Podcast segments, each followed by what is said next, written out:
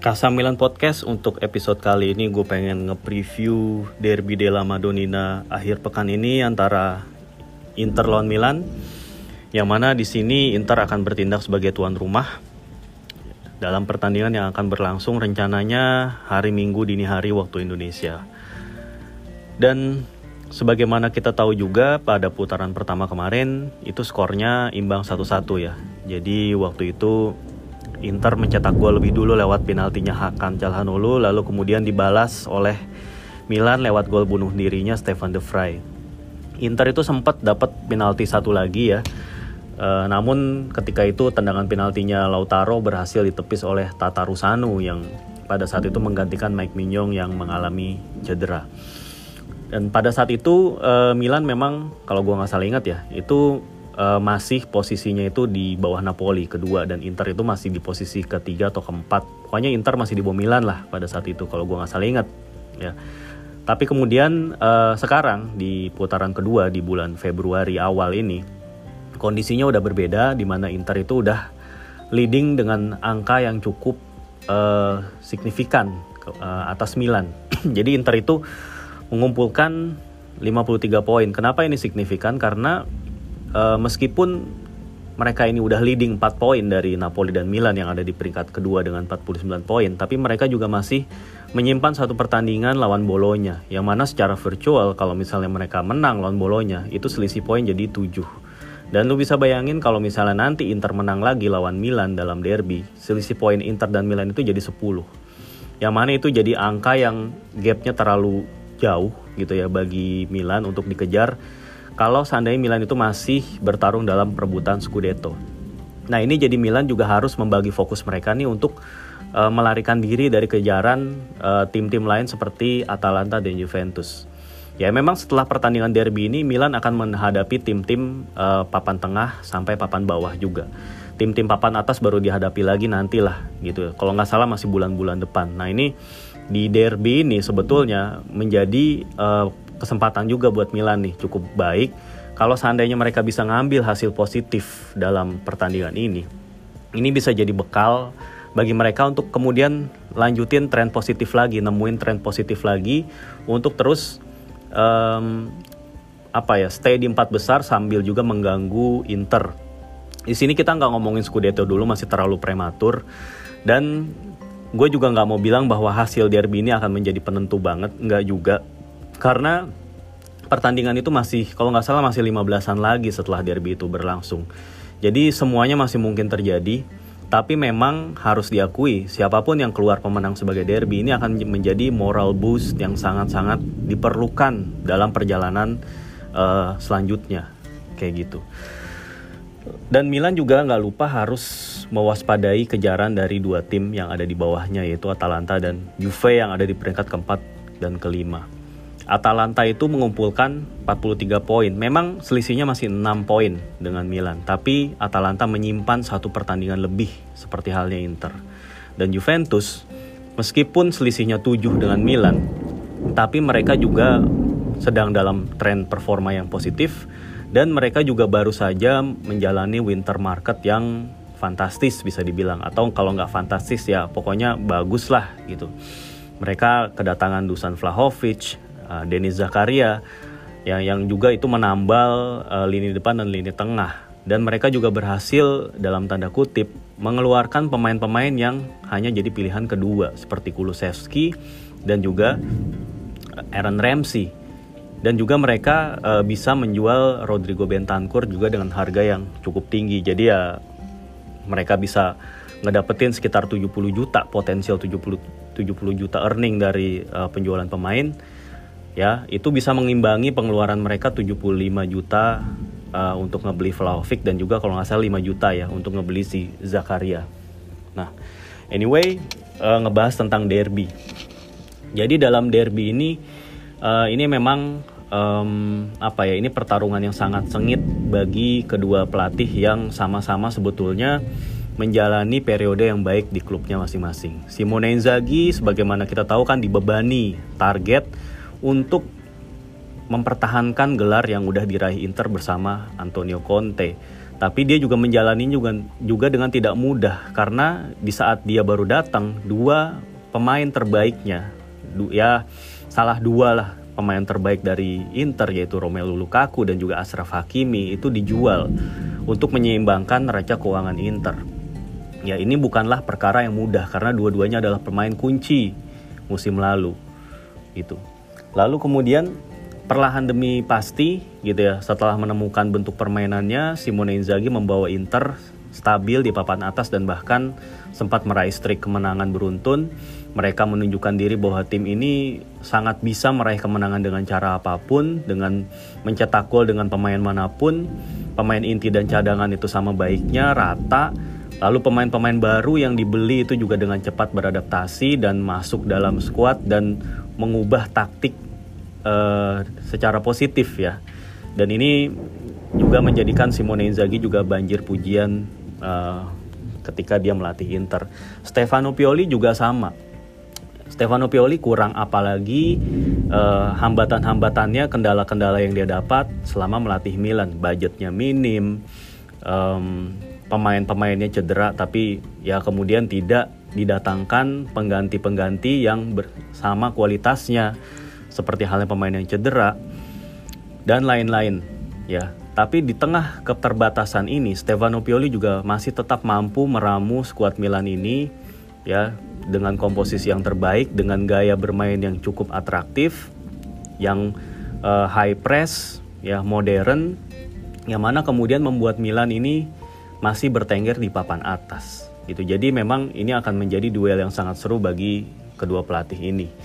Ya mungkin kita mulai uh, nge-preview taktiknya Simone Inzaghi di Inter. Yang mana ini sebetulnya sudah dikupas secara tuntas dan juga sangat bernas dan sangat-sangat uh, komprehensif ya oleh Mas Ruang Taktik di channel YouTube-nya dan Mas Ruang Taktik juga sempat pernah jadi tamu di Kasamilan Podcast uh, kalau nggak salah setahun lalu gitu ya. Sekarang belum tentu bisa ngundang dia lagi ya.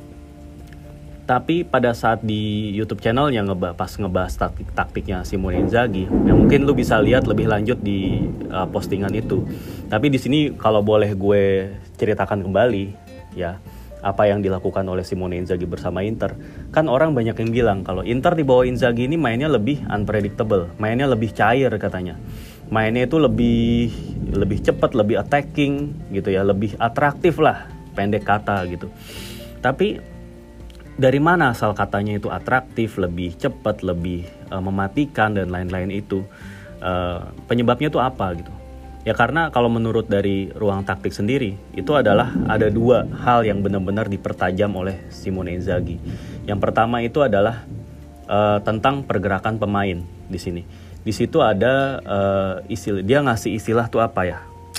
Um, gerakan berlawanan, reverse movement atau counter movement, counter movement kalau gua nggak salah ingat namanya tuh counter movement istilahnya. Yang mana di sini ada contoh yang sangat jelas juga ya ketika misalnya pemain Inter, pemain belakang Inter itu ngebawa bola dan melakukan build up, itu ada dua pemain yang ada di depannya melakukan pergerakan yang arahnya berlawanan. Itu tujuannya adalah untuk uh, memberikan ruang ya atau untuk menarik atau memancing pemain lawan untuk memarking pemain tersebut yang bergerak sehingga menciptakan ruang untuk pemain yang lainnya. Ambil contoh misalnya pada saat si Stephen De Vrij, De Vrij itu kan bawa bola pemain belakang ya. Si De Vrij menguasai bola ya. Dia kemudian uh, ada opsi passing nih Brozovic dan Barella Brozovic dan Barella itu nggak diem aja pada saat mereka berusaha untuk menerima bola. Jadi ada salah satu pemain yang akan mendekat. Misalnya Brozovic mendekat nah Barella ini justru menjauh. Nah ini kan akan menarik pemain-pemain yang melakukan marking ke arah mereka berdua. Nah, dari pemain yang bergerak itulah ya, dari transisi yang terjadi itulah akan tercipta ruang-ruang yang bisa dimanfaatin si The Fry untuk bisa memberikan umpan yang lebih akurat kepada pemain yang posisinya lebih bebas. Dan dari situlah Inter itu kemudian banyak mengeksploitasi ruang-ruang kosong yang tercipta di uh, wilayah mereka dan wilayah lawan. Dan terutama kalau terjadi ruang kosong itu di ruang antar lini, Nah, di situlah pemain uh, berperan besar pemain-pemain seperti Lautaro ataupun Barella yang memiliki skill yang bagus, yang mempunyai tendangan-tendangan jarak jauh yang bagus, itu yang bisa berpeluang untuk mencetak gol. Nah, ya kalau seperti kata Jonathan Wilson itu sepak bola kan adalah seni memanfaatkan ruang ya. Ini mungkin intermezzo aja dan ini juga pernah ada diulas oleh si David Winner dalam buku The Brilliant Orange yang ngebahas tentang bagaimana pemain-pemain Belanda itu ya yang uh, total football itu kan sangat-sangat memanfaatkan ruang itu terpengaruh sama kultur sosiokulturnya Belanda juga sih. Kan Belanda itu kan lahannya sempit ya. Dan Belanda itu kan menghasilkan arsitek-arsitek yang bagus gitu. Nah arsitek-arsitek yang bagus itu kan uh, datang dari keterbatasan juga. Artinya punya ruang yang terbatas tapi mereka harus bisa manfaatinnya dan bisa menciptakan kesan lebar pada bangunan. Nah begitu juga pengaruhnya dalam sepak bola gitu. Jadi ya itu seperti kayak menjadi ini ya menjadi mindset dari pemain-pemain bola Belanda untuk bisa memanfaatkan ruang gitu. Ini intermezzo aja. Tapi anyway ya sepertinya tim-tim modern itu sudah memakai pakem tersebut gitu memanfaatkan ruang gitu. Emang sepak bola modern itu emang uh, basicnya adalah seperti itu. Nggak sepak bola modern itu nggak cuma melulu memanfaatkan skill individu gocek-gocekan lari cepet gitu ya nggak seperti itu tapi udah lebih adu uh, kepiawaian dalam memanfaatkan ruang gitu untuk mencari ruang atau memanfaatkan ruang.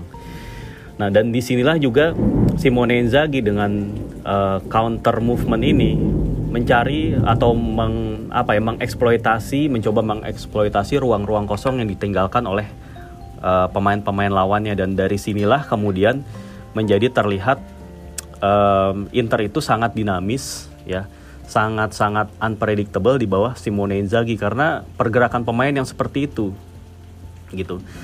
Tapi kalau misalnya uh, diagonal pass itu sih menurut gue dari zamannya Conte itu pun Inter juga udah pinter uh, man, uh, mainin umpan-umpan diagonal. Jadi mindahin bola dari sisi satu ke sisi lainnya itu mereka udah kayak jago banget, udah biasa. Kalau Conte itu terutama dia manfaatin Lukaku dulu. Jadi dari Lukaku uh, Lukaku itu kan bisa drawing uh, opponents gitu. Dia bisa narik lawan-lawan sehingga kemudian dengan kecepatan dan dengan fisiknya uh, dan juga visinya dia dia bisa mindahin bola dari kanan ke kiri di mana Perisic itu udah lari lalu kemudian Perisic ngasih umpan silang. Ya terus Christian Eriksen ataupun Lautaro ataupun ataupun Barella siap menyambut.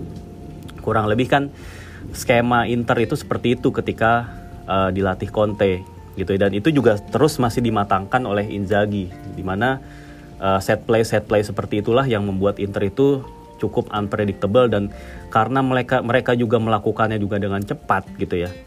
Ya itu mereka juga jadi bisa uh, mengungguli lawan-lawannya. Kan sebetulnya kalau lu cepet ya walaupun gaya lu tuh predictable tapi kalau lu cepet banget itu lawan akan tetap susah menghentikan itu yang dilaku yang ditunjukkan berkali-kali oleh Messi. Messi itu kan gayanya ya gaya dribblenya seperti itu kelihatannya kayak gampang tapi karena Messi itu cepet jadi itu sulit dihentikan. Begitu juga Arjen Robben yang gaya dribblenya seperti uh, signature move-nya udah ada ke situ tapi karena dia cepet gitu ya. Dia bertahun-tahun masih bisa bermain di high level football dengan uh, playing style seperti itu. Nah ini jadi emang um, apa uh, ya Inter ini dengan kecepatan dari pemain-pemainnya emang bisa mengancam siapa pun kayak itu apalagi mereka bergerak cepatnya juga secara unit gitu. Ya terus kemudian dari cara bertahan uh, waktu zamannya Conte itu juga pernah Inter ya waktu pertemuan putaran kedua ya yang Inter menang 0-3 itu waktu itu. Itu dia melakukan counter ya setelah sebelumnya mereka itu melakukan permainan low dan medium block gitu di mana mereka nunggu nunggu pemain-pemain Milan nyerang kemudian menyerang balik secara cepat. Nah, ini juga masih uh, dengan solid seperti ini Inter juga masih bisa uh, membentuk barisan pertahanan yang tangguh. Gitu dengan uh, trio center back yang kuat ya Skriniar dan Bastoni dan The Fry itu tiga center back yang sangat-sangat kuat dalam duel, postur mereka bagus dan terutama Bastoni punya kelebihan lain, dia cukup baik dalam build up gitu ya. Dan dia juga bisa membuat Inzaghi mengubah formasi jadi 4 back karena dia cukup piawai juga kalau dipasang sebagai full back kiri gitu ya. Begitu juga Skriniar itu uh, Skriniar dan De Vrij ya itu dia mereka tuh tetap jadi ancaman utama ketika terjadi set piece tendangan pojok atau tendangan bebas ya itulah kurang lebih uh, sedikit uh, tactical preview dari Inter Milan gitu lalu bagaimana uh, Milan itu bisa um, mengatasi taktik seperti ini gitu mengatasi permainan seperti ini jadi untuk um, mengatasi permainan seperti ini tentunya konsentrasi tinggi dan juga minim minim kesalahan itu menjadi sangat-sangat esensial di sini. Jadi konsentrasi tinggi terutama di lini belakang ya itu benar-benar harus dijaga selama 90 menit full. Jadi sekalipun misalnya Milan itu tanpa Simon Kjaer ya yang menjadi back terbaik Milan ya dan bahkan mungkin tanpa Fikayo Tomori nanti yang masih cedera gitu ya. Ya mungkin Tomori itu udah latihan bareng di grup tapi gue belum tentu apa ya belum tentu dia akan di, dimainin karena resiko cedera kambuhnya itu bisa lebih tinggi gitu ya. Jadi menurut gue uh, Milan itu harus benar-benar disiplin. Romagnoli, Kalulu yang kemungkinan akan menjadi center back itu akan menjadi kuncian menurut gue. Romagnoli harus bermain dengan tangkas, dengan taktis gitu ya. Kalulu juga dia harus konsentrasi penuh karena dia akan menempel si uh, Lautaro. Sementara Romagnoli itu kemungkinan akan menempel si Edin Dzeko. Nah, dua-duanya ini punya kelebihan dan kekurangan masing-masing. Ya, si Edin Dzeko ini baik dalam duel, ya duel udara terutama, secara fisikal sangat kuat, finishingnya bagus. Lautaro punya skill yang bagus, uh, penyerang yang komplit, penyerang modern dan sangat cepat dan sangat licin. Dan inilah yang harus diganggu terus oleh si Pierre Kalulu.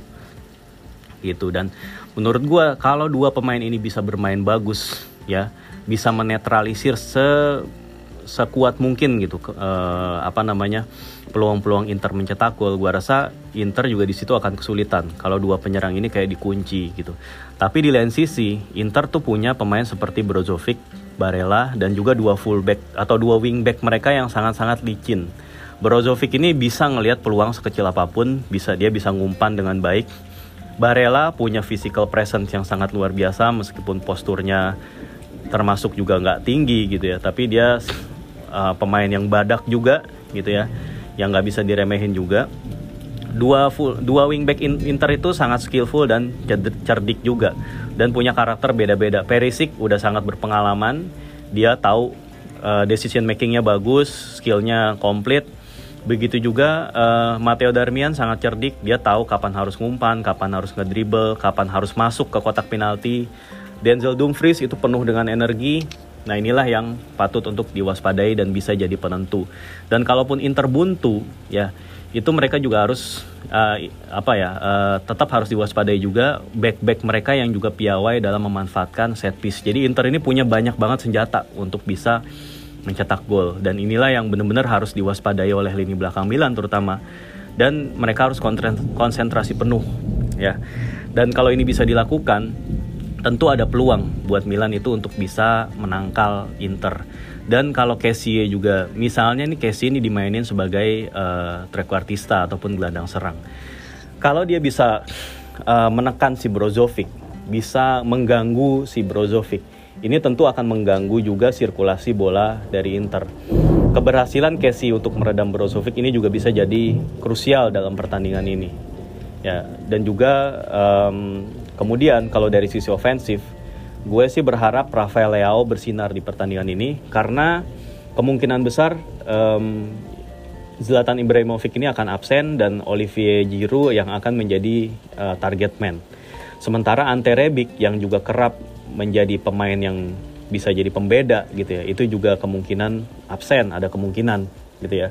Dan Brahim Diaz itu juga sedang tidak dalam performa terbaik. Nah, dari sinilah menurut gue siapa pun pemain yang diturunin itu bisa dalam tanda kutip meledak dalam pertandingan derby. Jadi gue harapin dari sisi motivasi dan mentalitas pemain-pemain Milan itu menunjukkan rasa lapar dan tidak takut dan dan semua keberanian ditumpahin ke situ sehingga ketika mereka diturunin kapan pun itu dalam fase pertandingan mana pun gitu ya itu bisa membuat perbedaan sesuai dengan role mereka. Kalau Makers diturunin dari pertama, ya dia bisa uh, dengan di, uh, dengan kemampuannya bermain lebih dinamis gitu ya. Dia kan dia bisa jemput bola dia bisa main di tengah kiri dia bisa tukar posisi switching sama Leao gitu. Itu bisa membingungkan pertahanan Inter juga gitu ya. Tapi emang Makers emang lack of end product aja. Di putaran pertama kemarin Makers menit-menit terakhir tendangannya kena tiang. Dan Makers itu juga bisa seandainya Pioli milih Makers dimainin dari babak kedua dia bisa jadi senjata rahasia juga karena ya pada saat makers masuk itu stamina pemain itu juga pasti udah menurun stamina pemain lawan dan itu bisa dimanfaatin makers yang punya uh, apa ya kemampuan bergerak secara dinamis. Kalaupun misalnya uh, Pioli menurunkan Junior Mesias dari uh, apa ya makers dari menit-menit pertama, Junior Junior Mesias menit-menit akhir. Junior Mesias juga bisa menjadi pemain yang decisif karena secara um, secara natural ya Junior Mesias itu punya end, end product yang lebih baik dari Sailmakers. Mereka punya karakter yang berbeda, tapi Mesias itu kalau di depan gawang, kalau di kotak penalti itu bisa lebih berbahaya gitu. Kalaupun dia nendang nggak masuk, kemungkinan tendangannya on target dan bisa mem memaksa kiper itu melakukan penyelamatan atau memaksa back itu berjibaku ngeblok dan di, dari situlah Milan itu bisa dapat peluang demi peluang. Nah mungkin akan uh, lebih berat uh, ketika Ibra absen. Bukan bermaksud mengecilkan Olivier Giroud, tapi Olivier Giroud ini memang uh, hanya berbahaya ketika dia jadi target man dan disuplai umpan-umpan silang yang matang. Yang mana inilah yang harus dilakukan oleh uh, terutama fullback fullback Milan kasih Olivier Giroud itu bola-bola kesukaannya. Dia akan bisa berduel dengan back-back Inter dan dia bisa uh, membuat keadaan yang berbahaya gitu. Tapi di luar itu Olivier Giroud itu tidak bisa kita harapkan untuk uh, tracking back terlalu dalam dan mengalirkan bola seperti layaknya kalau Zlatan main ya. Kalau Zlatan main kita bisa berharap dia bisa jadi uh, si nomor 10 juga bisa ngalirin bola ke, ke segala arah. Tapi kalau Olivier Giroud ya dia lebih bagus kalau dipasang target man dan kalau Olivier Giroud di situ, dia butuh pemain-pemain yang bagus banget, yang dinamis banget di belakangnya dia gitu.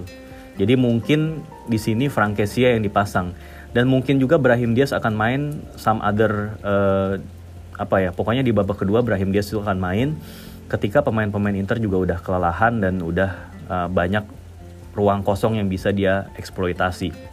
Bisa aja Brahim di sini juga jadi penentu gitu di pertandingan ini. Tapi juga dengan semua, semua itu dengan catatan dua center back bermain disiplin dengan dengan konsentrasi penuh.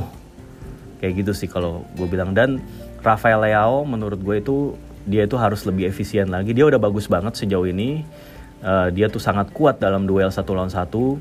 Ya, dia sangat berbahaya. Dia bisa mengeksekusi langsung, bisa mengirimkan umpan silang, bis, bisa melakukan dribble-dribble yang kemudian membuat dia dilanggar dan lain-lain dia atributnya udah lengkap banget sekarang. Itu cuman ya dia perlu sedikit lebih efisien aja dalam memanfaatkan peluang. Dan kalau dia menemukan harinya nih dalam pertandingan derby gue rasa Milan punya peluang yang cukup baik untuk bisa menang. Karena kalau tiap Leo bawa bola dia akan draw attention banyak pemain Inter. Dan dari situlah bisa tercipta space untuk pemain-pemain lain atau untuk bahkan untuk dirinya sendiri gitu. Jadi memang sekali lagi tadi gue kalau gue simpulkan uh, kalau Milan mis uh, mau menang lawan Inter gitu ya. Yang pertama tadi lini belakang harus disiplin banget, super disiplin. Ditambah lagi fullback harus waspada juga karena um, Inter juga sangat baik dalam uh, switching dari sisi satu ke sisi lainnya. Terus kemudian, nah gelandang nih Sandro Tonali menurut gue, gue harapkan menjadi pemain yang sangat-sangat uh, apa ya, pemain yang sangat kelihatan nih di pertandingan besok kalau Tonali itu mainnya bagus, Tonali itu bermain dengan determinasi tinggi dan juga dengan visi yang bagus seperti biasanya dan bahkan juga lebih baik gitu ya. Gua rasa uh, duel di lini tengah bisa dimenangin dan dari situlah uh, tercip akan tercipta lebih banyak peluang lagi dan Tonali gua rasa bisa bersinar banget. Kalau misalnya dia mainnya bagus, kemungkinan Milan juga bisa menang. Dan juga satu lagi tadi Leao dan terakhir ya memilih antara Makers dan Junior Mesias. Dan satu lagi kalau misalnya Ibra dan Rebic ternyata bisa main tentu peluang Milan untuk bisa nyetak gol dan juga memenangkan pertandingan akan lebih besar karena dua pemain ini juga punya unpredictability yang nggak dimiliki pemain-pemain lain. Rebic atau Zlatan itu mereka bisa nyetak gol dari berbagai angle dengan berbagai cara. Jadi kalau mereka main tentu peluang untuk nyetak gol akan lebih besar dan kar karena peluang nyetak gol lebih besar, peluang memenangkan pertandingan juga akan lebih besar lagi. Jadi menurut gue emang uh, vital banget kalau Zlatan dan Rebic bisa main. Tapi kalau mereka nggak bisa main pun, Milan juga masih punya peluang lewat Leao atau pemain-pemain seperti Brahim, Junior Mesias ataupun si Makers. Ya dan juga kalau-kalau Olivier Giroud bisa nyari celah untuk manfaatin peluang-peluang sekecil apa pun yang didapetin dia.